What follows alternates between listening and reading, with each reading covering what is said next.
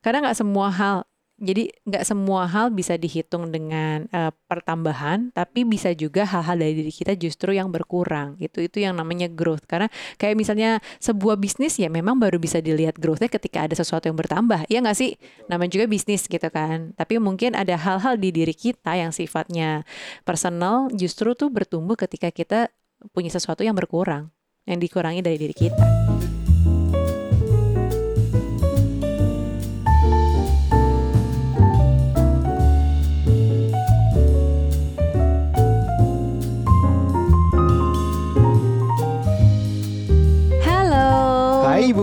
Hai Bapak, kembali di podcast Curhat Babu Curhat ya Bapak, Bapak dan, dan Ibu. Fales ya, Bo. Ya, harusnya bikin jingle tapi kita nggak punya suara yang bagus, gimana dong? Iya.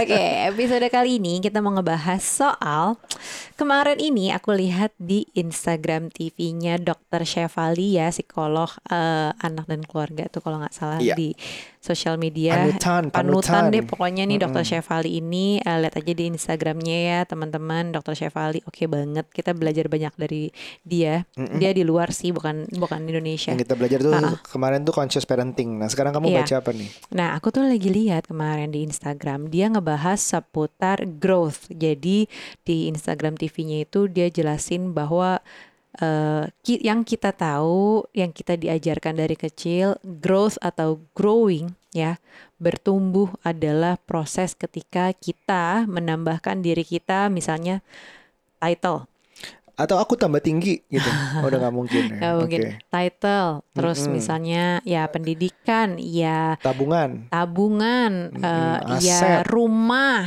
ya mobil gitu kan mm. semua hal-hal yang bertambah ya mm -hmm. secara material dan se secara sesuatu yang kelihatan adalah growth itu dulu kita diajarkan seperti itu yeah. tapi sebenarnya growth itu nggak melulu soal hal-hal yang bertambah gitu yeah. ya bukan berarti uh, bertumbuh tuh selalu sama dengan bertambah, iya. padahal yeah. belum tentu. Karena growth itu bisa terjadi justru pada saat kita berkurang alias ketika kita sudah bisa mengurangi rasa ego kita, kita sudah bisa uh, mengurangi hal-hal yang uh, tidak baik dari diri kita hmm. atau kita bisa mengurangi hal hal-hal yang misalnya bersifat uh, apa namanya nilai investasi kita mengejar hal-hal yang sifatnya semua serba cuan cuan yeah. cuan tuh justru tuh kita lagi bertumbuh yang kayak hal-hal seperti kayak sembuh dari penyakit lama atau sembuh dari adiksi itu kan sebenarnya kan mengurangi kan tapi mm -hmm. sebenarnya itu bertumbuh itu juga bisa iya yes, jadi sebenarnya makna bertumbuh tuh beda banget gitu mm -hmm. ya dengan kondisi yang sekarang uh, kelihatannya mungkin karena kita terlalu banyak terpapar di sosial media jadi seolah-olah jumlah followers jumlah likes jumlah engagement engagement rate, semua yang serba jumlah, yang angkanya bombastis itu adalah growth itu adalah yeah. bertumbuh gitu dan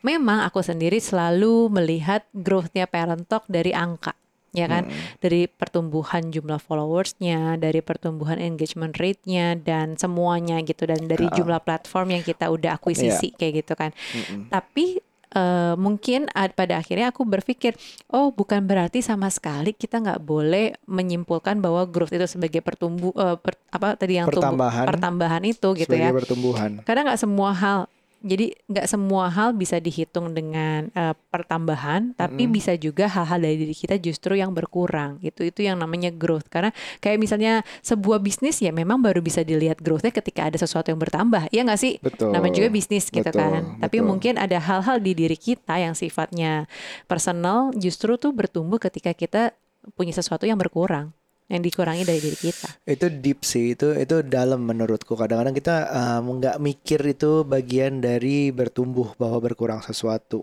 Kayak um, gimana ya? Aku mungkin kalau contoh gue manusia, gue tuh dulu hubungan sebelumnya marah-marah terus. Mm -hmm Uh, mungkin Uca juga ya. Uh, agak marah-marah terus tapi sekarang tuh kayak uh, lebih bisa menyelesaikannya dengan lebih ya sedikit lebih tenang lah. Ya, bukan nggak pernah marah bukan kita nggak pernah berantem tapi uh, rasanya beda banget yang kita jalani. Dan dan the, the less stress the less anger, the less frustration, it's also growth gitu. Yeah, yeah. Menurutku ternyata itu yang menjelaskan Dr. Shefali itu perlu bagus banget remindernya.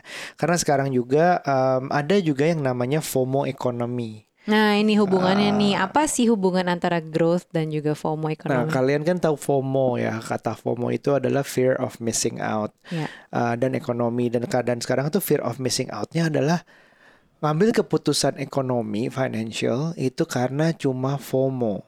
Mm-mm. Nah itu ikut-ikutan. ikut-ikutan apalagi sekarang dalam keadaan pandemi ini yang dalam tanda kutip ngurung orang di rumah, yang ada yang tekanan untuk kehilangan pekerjaan, bisnis rugi, bisnis bangkrut, segala macam tuh bikin kayak uh, gue harus um, gue harus tumbuh nih, gue tetap harus tumbuh, gue harus semua menghasilkan orang uang harus nih. menghasilkan uang di mana lagi sekitarnya di sosial media ini isinya saham ini naik, kripto ini to the moon, and back segala macam gitu tuh semuanya. Atau pamer-pamer gitu ya. Atau pamer-pamer um, barang-barang ya, dan segala macam dan merasa bahwa I have to be him, her. I have to get that, I have to earn like that, I have to get more segala macam tanpa melihat kondisi sendiri gitu. Bahkan banyak banget yang sampai minjem uang untuk ikut-ikutan invest misalnya. Iya, iya, iya. Sehingga iya. terjebak dengan utang atau yang lebih parah lagi. Dan itu adalah yang namanya FOMO ekonomi. Is everyone making money but you? Merasa wah, gue harus tahu. Bahkan ya financial planner atau influencers itu merasa gue harus tahu aja at least tentang tentang kripto tentang apa. Gue harus ya udah deh gue masuk sebagian deh biar gue nggak nggak kehilang. Oh iya ini tenang aja tenang aja. Nih uang dingin kok. Gue nggak akan kenapa kenapa tapi lo tetap masuk for the wrong reasons. For the reason that um, FOMO bukan karena lo tahu, bukan karena lo emang butuh, bukan karena lo udah pelajari semuanya gitu. Ya, ya, ya, ya. Ya sih, benar-benar. Dan aku ngelihat di sosial media, terutama ya di masa pandemi ini kan, ketika uh, di awal pandemi kebanyakan orang kehilangan pekerjaan, mm -mm. ya, kena layoff, mm -mm. terus uh, ada yang gajinya dipotong dan lain-lain. Mm. Itu kan sebenarnya kita secara nggak langsung kekurangan uang gitu yeah. kan. Nah, di pada saat titik tersebut muncullah aktivitas side hustle gitu yeah. ya iya. walaupun kita kerja kantoran tapi ada side hustle lainnya Bener. either itu usaha dari rumah yang sifatnya jualan makanan yeah. jualan misalnya masker baju, maskeran masker, baju dan lain-lain gitu ya tapi kemudian juga ada MLM gitu nah uh, semakin kita show off apa yang kita lakukan gitu ya terutama ketika kita share angka-angka di bank account kita dapat bonus sekian gaji sekian yang kayak gitu-gitu itu justru makin orang uh, FOMO gitu loh yeah. nah, kok dia penghasilannya segini ya gitu kan gue juga jadi pengen nah Inilah yang per, yang pernah aku bahas juga di episode berapa gitu ya. Mm -hmm. Aku bukan mau menyerang salah satu pekerjaan atau profesi, tidak tapi kita harus aware juga bahwa ada beberapa profesi pekerjaan saat ini yang cenderung memamperkan hal-hal tersebut yeah, gitu yeah. ya. Lebih ke nomor rekening. Aku tuh selalu wondering loh emangnya etis ya kayak nunjukin gaji berapa terus bonus sekalipun bonus ya dari side hustle yang mungkin bukan pekerjaan utama tapi ditunjukin jumlahnya atau misalnya sekalipun uh, atas nama enggak kok ini kelompokku aja ini grupku aja ini ini total dari gabungan semuanya tapi aku ada perasaan mungkin aku orang yang awam ya teman-teman maaf banget nih mungkin aku awam menurut aku tuh hal itu sensitif sekali gitu untuk menunjukkan berapa yang kita dapat, berapa yeah. yang kita hasilkan sekalipun itu penghasilan grup atau iya. penghasilan yeah. dari kelompok tapi uh, perlu kita tahu bahwa itu mempengaruhi orang lain yang lihat jadi FOMO. Iya, iya. Gitu. Jadi itu bukan cuma yang profesi yang kamu sebut, bahkan persentase cuan dari saham nah. atau kripto itu juga suka ada yang nunjukin gitu, tanpa iya. menunjukkan ruginya. ya namanya portofolio kan nggak mungkin untung semua dong bu, iya pasti kan ada rugi. Jadi maksudnya not get, not being real. Salah satunya uh, tadi hubungannya sama growth yang kamu bilang, yang aku pertanyakan, showing off those numbers, is that really growth menurutku? Uh. Pertanyaanku aku pengen nanya kayak gitu. Oke, okay, ada angka yang bertumbuh yaitu bang um, rekening lah misalnya atau persentase cuan lah atau dia dapat transferan berapa lah iya itu bertumbuh tapi on the other side you're sacrificing something menurutku. Yeah. Jadi misalnya um, your humility, uh -huh. menurutku itu berturun. Iya iya iya. Jadi ya. kayak yang biasanya gue ah nggak dong gue bukan siapa-siapa gitu. Biasanya mungkin kayak gitu. Gue uh, nggak kok gue cuman ini gue kerjanya ini kok gue bahagia kok apa adanya. Tiba-tiba tiba-tiba you're changing to something that you lihat dong gue siapa, gue yeah. berhasil berapa. So level of your humility itu menurutku berturun dengan lo mengorbankan bagian demi menunjukkan kenaikannya itu. Iya, iya, iya, iya.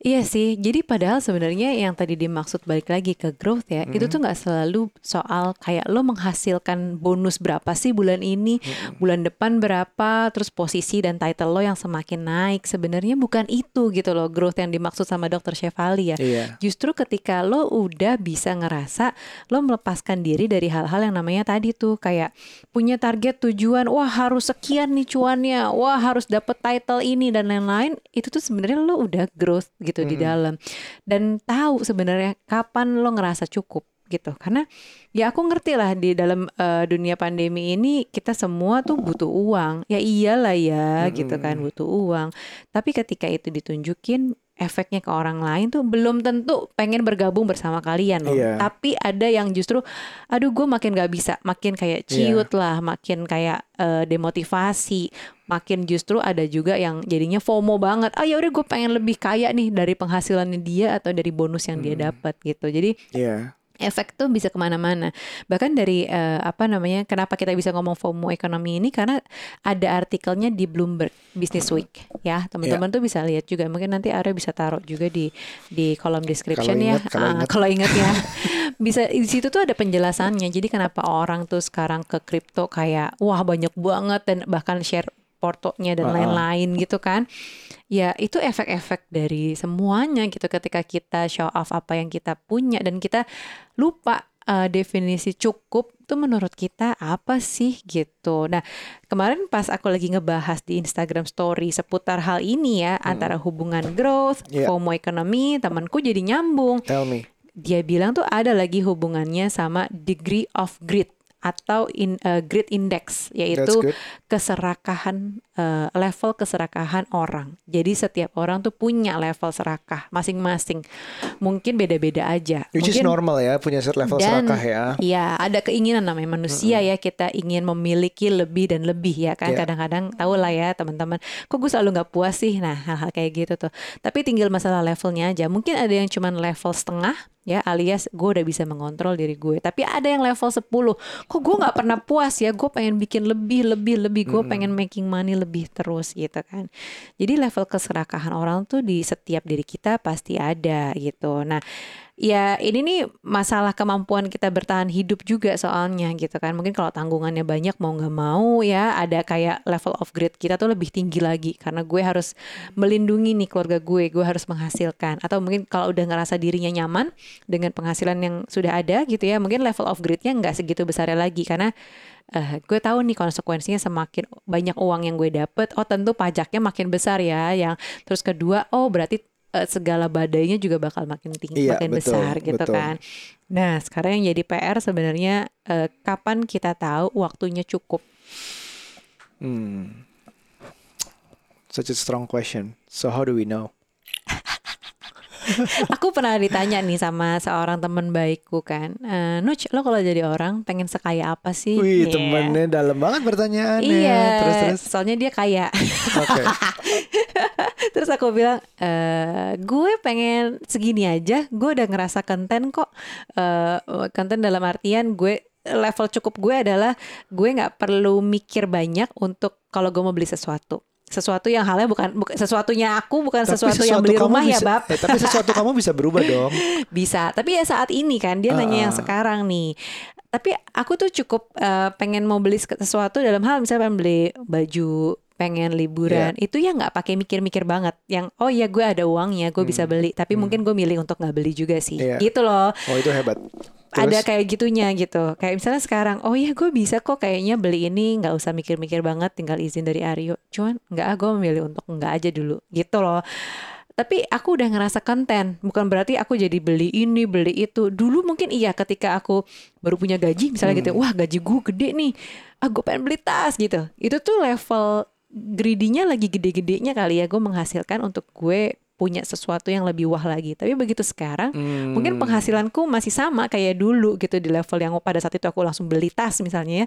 Sekarang mungkin masih sama, tapi terus uh, aku memilih untuk nggak beli tas-tas gitu. Yeah. Aku bisa nahan diri gitu. Jadi yang membedakan sebenarnya sekarang aku ngerasa lebih konten, aku tahu kapan cukup gitu ya. Oh, gue udah cukup segini aja dengan kapasitas waktu yang gue punya, gue nggak bisa berlebihan juga nih gila-gilaan yeah, yeah. kerja gitu. Jadi ya udah di level kapasitas gue sekarang, gue menghasilkan segini, ya udah gue udah cukup gitu. Dengan nggak nggak harus gue posting kok, gue punya tas baru, gue yeah. punya sepatu baru atau hal-hal yang material. Justru aku ngerasa konten dengan gini aja gitu, santai aja, chill. That's good, that's good. Kalau perjuangan aku dulu tuh, um, aku aku akuin mungkin mungkin um, growth ini aku dulu ngerasanya adalah angka di tabungan sih, mm-hmm. atau bentuk investasi atau aset segala macam. Jadi um, terutama ini dulu aku merasa bahkan ada beberapa kayak ya udah duit tambah terus tambah terus tambah terus aku pikir ya udah aku buk aku juga nggak I'm not a big spender ya maksudnya mm. huge spender kayak tiba-tiba um, ada uang misalnya 100% dari uangku 50% buat belanja tuh nggak pernah kayak gitu tapi mm. tapi juga uh, merasa nggak a big earner juga as in kayak yeah, yeah, iya, harus yeah, yeah. invest di apa invest yeah. di apa aku nggak segitu agresifnya juga dulu walaupun kalau udah kena kena yang ditawarin sesuatu yang agresif mungkin tertarik ya dulu stay silent kerja aja yeah. tumpuk duit terus gitu um, itu bagi aku aku grow, weh yeah. aku grow ini dong. Tapi walaupun gak di share ke orang dalam hatiku nih tabunganku makin gede nih, ini segala macam makin gede. But I'm missing out so much in life sih menurutku. Oh gitu, Bab. Kamu ngerasa ya? Aku ngerasa uh, aku nggak pernah ada belajar self development yang kayak sekarang. Uh-huh. Um, gimana tahu tentang parenting? Aku mau belajar tentang uh, investasi. Aku mau belajar. Jadi jadi dulu tuh kayak nggak ada uh, pokoknya intinya dapat duit lebih banyak dari segi uh, kerjaanku. Udah, pagerin di situ numpuk numpuk numpuk numpuk terus itu itu udah keren buat aku. Nggak di share tapi tetap aja bang PD-nya naik di situ. Cuman I'm missing out a lot gitu. Jadi mm. my relationship failed. I didn't have uh, I didn't manage to have a kid. Um, banyak hal yang aku gagal di situ. Yeah. Yang mengubahku ya kamu dan anak-anak sih. Jadi kayak aku punya tujuan jelas nih. Yang penting anak-anak sekolahnya uh, ya mempersiapkan mereka sebisa mungkin sesuai dengan minatnya segala macam. Kalau dia mau sekolah di luar, mudah-mudahan aku ada. Kalau dia mau sekolah di sini, mau pilih sekolah apa, mudah-mudahan aku ada. Terus kedua, um, I want a proper life and time untuk anak-anak gitu. Mungkin um, ya tadi aku baru tulis di Instagramku uh, uh, a bigger house mm-hmm. salah satunya. Nah itu tetap ada targetnya. Jadi yang ketiga juga pengen sekali-sekali liburan kayak kamu yang nggak perlu mikir, pengen liburan tapi nggak perlu mikir. Jadi udah dikotakin, udah tahu tujuannya aku mau ke mana uangnya itu. Dan itu bikin aku ngerasa lebih konten, bukan kayak ngumpulin uang demi uang, demi angka. Jadi hmm. uang itu goal, bukan ya, uang ya, ya, itu ya. adalah demi untuk dapetin sesuatu. sesuatu. Nah, gitu. Itu yang aku kejar sekarang. Masih kerja keras, masih berusaha kerja, masih berusaha cari uang, nggak nolak duit segala macam masih. Tapi untuk itu gitu, hmm, untuk hmm. yang aku tuju tiga tadi at least gitu. Jadi itu menurutku um, masih bisa growth bukan dengan uangnya bertambah, tapi memetakan uangnya buat apa sesuai dengan akunya sendiri ini nggak bilang semua orang harus punya rumah sekolah bagus buat anak segala macam bukan yeah. ada orang yang mungkin investasinya uh, kontennya adalah bisnis yang bisa menyembuhkan banyak orang membantu mm -hmm. banyak orang which is fine it's just it's, it's noble it's good tapi at least you know where it is bukan cuman angka yang tambah tinggi gitu. Nah, iya sih. Nah, itu PR-nya sebenarnya buat kita semua. Kadang-kadang pertama kita cuma tahu menghasilkan uang aja terus sampai iya. nggak iya. tahu tujuannya apa gitu iya. sebenarnya. Atau bahkan kedua, justru sebaliknya bab karena saking banyak kebutuhannya jadi kerja terus gitu. Kayak nggak ada hitungannya lagi. Yang penting hmm. gue kerja deh karena tanggungan gue banyak banget gitu. Jadi kayak kerjanya serabutan. Apa aja gue kerjain dari kerja kantoran saya hasil pokoknya semuanya. Jadi hmm. kayak ke segala arah lah gitu. Kebutuhannya kebanyakan berarti? Kebanyakan gitu kan. Uh, hmm. ketiga yaitu kadang-kadang kita nggak tahu kapan kapan kita tuh ngerasa cukupnya karena ya distraction di sosial media banyak sekali karena yeah. ketika kita udah ngerasa cukup aja bahkan melihat sosial media anjir dia punya mobil baru ya yeah. wah gila udah pindah rumah baru aja dia yeah. gitu kan selalu ada lagi pembandingnya lagi pembandingnya lagi gitu loh jadi nggak yeah. pernah cukup ketika kita ngerasa cukup sekalipun yeah. melihat orang jadi tergoda ya nah, bisa aja sih aku juga ini tadi fungsinya pendidikan anak rumah baru and um, liburan. Hmm. Tiba-tiba ngelihat ada yang punya jam baru, aku tergoda, tergoda sih. ya.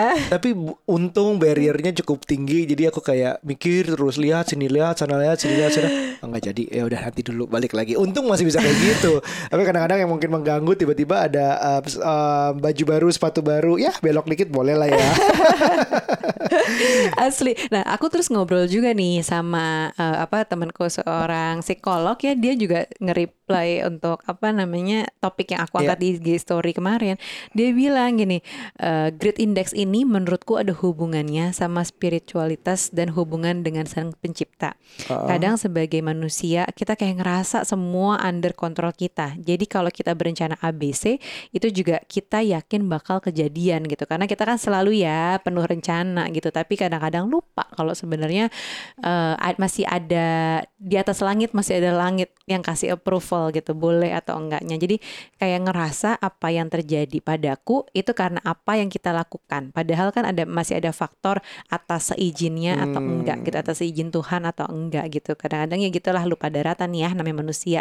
Terus ditambah lagi faktor sosial media tadi tuh yang aku cerita kita yeah. selalu pengen lebih lebih lebih karena comparing to others gitu kan terus jadi self esteem kita bisa diukur sama indikator ekonomi salah satunya Hmm, karena ekonomi quantity quantified ya, maksudnya bisa Terhitung. dilihat angkanya berapa gitu. Iya, iya. Dari sekedar material kayak yeah. rumahnya di mana sih, mobilnya berapa, mobilnya yeah. apa aja. Terus kayak sekarang nih uh, uh, ya apa yang dia pakai, misalnya yang kayak jamnya apa, bajunya sepatu tas, liburannya ke mana, kayak gitu-gitu itu semua kan yang gampang terlihat ya di sosial media yeah, gitu. Dia punya jadi, saham apa sih, kripto apa uh, sih gitu. Jadi kayak gitu-gitu. Nah, ya balik lagi jadi gimana sih caranya eh, apa namanya kalau aku menurut aku sendiri ya menurut aku pribadi hubungannya dari ketiga terminologi yang kita bahas di episode ini nih ini agak berat sedikit. Dari masalah growth tadi uh, masalah FOMO ekonomi dan yang sekarang great index ini ya uh, masalah level keserakahan orang. Level of greed mm -mm, level of greed menurutku sebenarnya adalah ketika kita punya self control dan tentang uh, kecukupan kita, level cukupnya kita di mana, kita udah tahu, kita punya self control untuk itu. Itu tuh kemungkinan kita udah growth sebenarnya. Kita hmm. udah bertumbuh karena kita udah sadar nih bahwa kita punya kemampuan untuk self control. Self control itself adalah sebuah pertumbuhan menurutku. Dan ini menjadi aset yang bagus buat kita bertahan di FOMO ekonomi menurutku. Hmm. Karena di tengah arus yang orang show off, orang kripto dan orang dengan segala keberhasilan di sosial media, kita masih bertahan dengan kita yang seperti sekarang, itu tuh udah growth. bagus banget, udah hmm. growth gitu. Nah, nyangkut ke Great Index ini, berarti ya ketika kita udah di situ gitu ya levelnya, level grade kita, level uh, ke keserakahan kita tuh sebenarnya terbilang masih aman gitu. Tapi hmm. untuk untuk ditiadakan sama sekali mungkin nggak juga ya itu mungkin level level yang lebih tinggi lagi, yang mungkin orangnya lebih zen lagi ya. Iya, mungkin uh, ya itu udah beda lah levelnya. Tapi kita we're saying it's normal to if you if you're being greedy ada ada level of greednya mungkin beda-beda it's normal. Kita juga nggak bilang kita ngomong kayak gini juga bilang kita nggak uh, super hemat atau kita nggak iri sama orang. Kadang-kadang kita juga masih ngeliat wah hebat ya dia ya gitu masih suka itu. Mungkin bukan iri yang dihasilkan, tapi kita masih melihat sosial media. Kita masih melihat ada apa di luar sana. Kita juga bukan menjadi anti sosial media, uh, anti tahu tentang ekonomi. Enggak, enggak, enggak. itu semua tuh kita masih harus uh, belajar juga karena there are a lot of things that we both doesn't know and we need to learn gitu. Iya, sama aku juga kayak misalnya ngomongnya soal growth yang tadi ya pertumbuhan yang nggak selalu diukur sama sesuatu yang uh, quantify, mm quantify, quantify, quantify uh, yang bisa dihitung gitu ya, bisa terukur. Aku agak bingung juga karena secara bisnis aku masih ngelihatnya pertumbuhan ya dilihat dari angka-angka yeah. itu. Jangan gitu. kita kita nggak pernah bilang numbers don't matter, numbers matter. It's just something there are other things yeah. that is also important gitu. Nggak mm. nggak selalu yang naik bertambah secara angka itu bagus dan yang secara yang turun itu udah pasti jelek mm. belum tentu. So it's something for us to think about, probably for you guys as well to think about.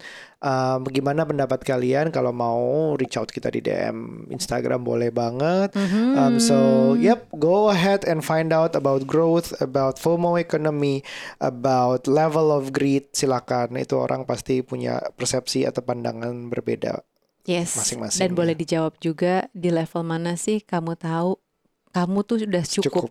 gitu. Dan itu juga tahu nggak? Itu juga relatif waktu. Iya. Iya benar, benar, ya kan? benar. Sekarang benar. aku bisa aja bilang cukup, nggak dan nggak salah. Nggak salah. Tapi as time goes, as we grow, Nah, nanti bisa lagi nanti berubah, bergeser. Berubah. Nggak akan ada yang statis kok jawabannya menurutku. Bener, Tapi kan okay. aku tanya saat ini ya. Yeah, silakan. Alright. Um, sekian episode kali ini. Semoga yang berat ini cukup uh, membantu kita at least berpikir. Kan yeah. Dengan kita berpikir, belajar kita bertambah juga ya kan yeah. growth juga. Oke, sampai ketemu di episode berikutnya. Bye. Bye.